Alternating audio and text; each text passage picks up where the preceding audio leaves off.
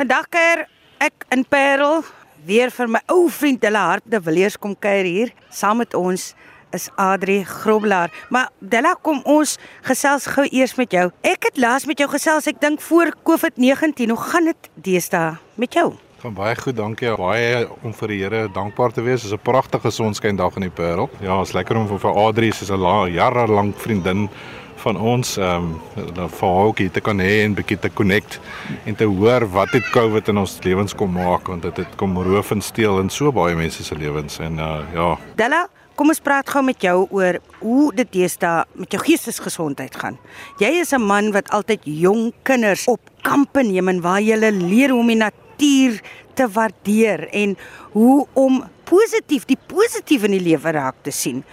En tog het die pad met jou gekronkel. Ja, verseker. Ehm um, die interessante ding is ehm um, jy weet skielik was ek gekonfronteer met al hierdie goeters wat ons vir kinders leer en skielik moet jy dit self toepas in jou eie lewe en jy weet jou jou petrol raak net op. Jy, jy weet dit raaf van te mhm. lank en alles. So was baie baie moeilike tyd gewees. Ehm um, maar ek is so so dankbaar. Uh, ons hier waar ons sit in die sonnetjie onder die boom kan ek met uh, sekerheid in my hart sê ek's op 'n baie baie beter plek as wat ek was ehm um, deur die hulp van so baie mense. Jy weet, dis die groot ding.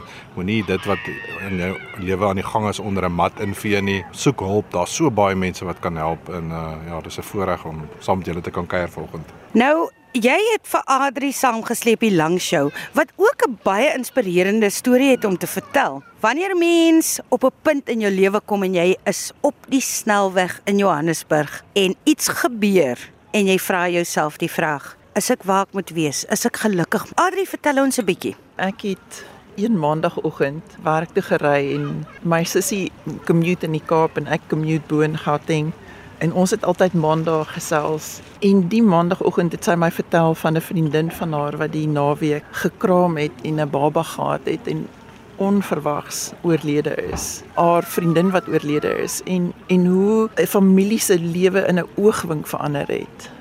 'n man wat skielik sy vrou moet begrawe en 'n dogtertjie moet kom haal by die hospitaal. En ek kon myself oor amper 'n retoriese vraag vra van if I am living my last month or my last year, is this the best life? Is this the life that I really want to live?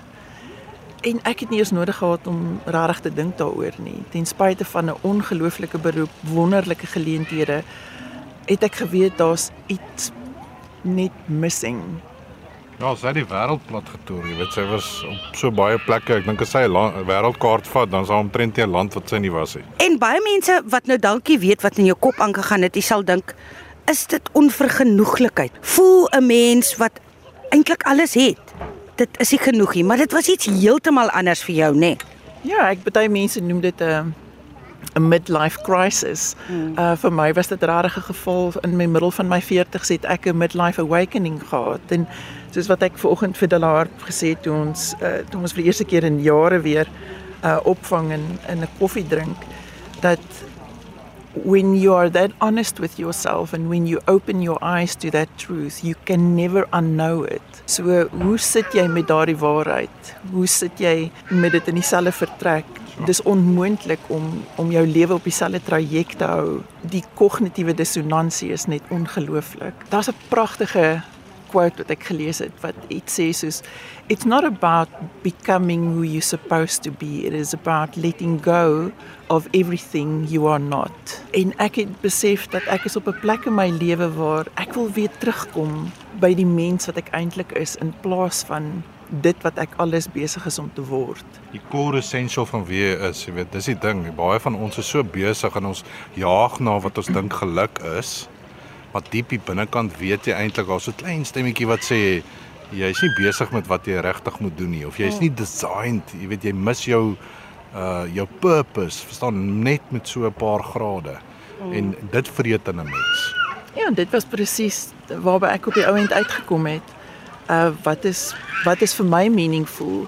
En ek dink wat 'n ongelooflike brandende begeerte in my hart geraak het was hoe gee ek terug hoe ploeg ek terug Hoe gebruik ek dit wie ek geword het en doen iets konstruktief in die wêreld rondom my?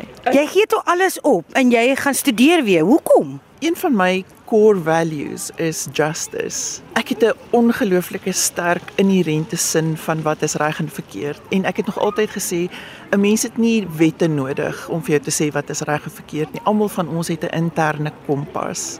Daai kompas is baie sterk in my. Ja, ek ek ek wou in 'n rigting beweeg waarna toe ek getrek voel en dit het teruggekom na my uh na daai reg en uh, wit en swart oor reg en verkeerd. So ek het besluit om my liefde vir die regte weer op te tel en uh ek het by Nisa ingeskryf as 'n voltydse student en nou doen ek my LLB.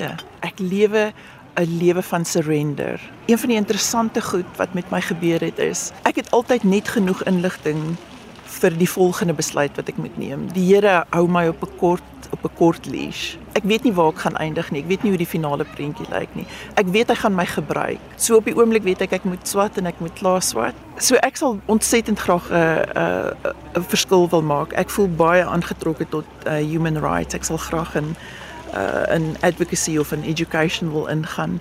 Um, ek weet ek gaan verseker nie weer in 'n corporate omgewing wees nie. So as ek iewers in die, in 'n NGO environment eindig, dis waar ek op die ou end sien. Ek, So menseregte. menseregte, ja.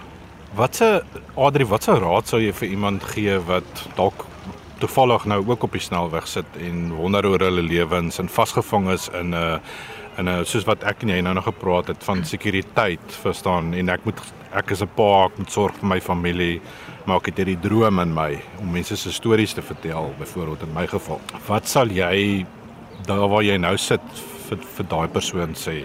Want mense is baie bang vir daai sprong. Ek dink vir my, ek kan ek kan sekerlik net vir myself antwoord. Vir my was dit 'n geval van om te vra what gives you life? Do you have joy? Vir my was dit die beginpunt. Toe ek daai bol wol, toe ek daai die punt van daai wolletjie kry en ek begin daai bol wol ontrafel, het ek besef dat I'm not feeling joy. I am not feeling meaning. I am not living a purposeful life. Ek ek dink vir my wat vir my uitstaan van ons storie is van doen dit net. Ja. Uh verstaan, moenie wag tot al die varkies in lyn is nie. Verstaan, begin dit net doen al. Is dit op 'n baie klein klein stappies, nê? Nee? Doen wat jy kan. Doen wat jy kan. Ja, Jy weet met met wat wat jy jy het, het waar jy in jou is. hande waar jy Ja. is. Moenie wag en sê ek moet eers daar wees voor ek gelukkig gaan wees nie. As jy 'n droom het of jy jy weet begin dit net onmiddellik daai dag. Moenie eers wag vir môre nie. Begin dit dadelik doen. When you get to the cliff, jump. And I live as a Christian in the trust that I will grow wings on my way down. Dit gaan dalk nie vir enigiemand anders sin maak nie. In my lewe, dit maak sin soos wat min goed in my lewe nog sin gemaak het. Jy moet nou jouself onderhou. So jy het nou nie meer werk in 'n groterige salaris nie. Jy moet nou na jouself omsien. En nog steeds as jy nie spyt nie. Glad nie. Glad nie. As 'n mens jou oë oopmaak en jy begin die lewe weer op jou vingerpunte voel. Dis onmoontlik om weer so afgestomp te raak. Ek het vir Delaar vertel dat wanneer ek begin toets of ek op die regte pad is, met enigiets wat gebeur, dit gebeur met klein goedjies, is ek skop glad nie deure oop nie. As 'n deur oopmaak, weet ek is my deur. As hy nie oopmaak nie, dan stap ek verby. En dit skakel so in by my lewe van surrender. Wanneer jy in awareness begin lewe van daai energie wat vloei. En as ek op die regte pad is, maak daai deure vir my oop. Ek het daai gesprek um, met die Here gehad aan die begin van die jaar. Moet ek aftrek Kaap toe? En die deure het so vinnig oopgemaak dat ek lag so ek sê vir Delaar, ek het eintlik 'n bietjie whiplash, ek het so vinnig getrek. Dit het net gevloei, dit was net die regte tyd op die reg, die regte ding op die regte tyd. Voel jy jy's nou op pad na 'n betekenisvolle lewe? O, ek lei dit al lank al. Yes. Net net net die awareness, net die feit dat ek besig is met die journey. Dis life isn't about the destination. The joy is in the journey. Mm. Waar dit my ook al heen vat.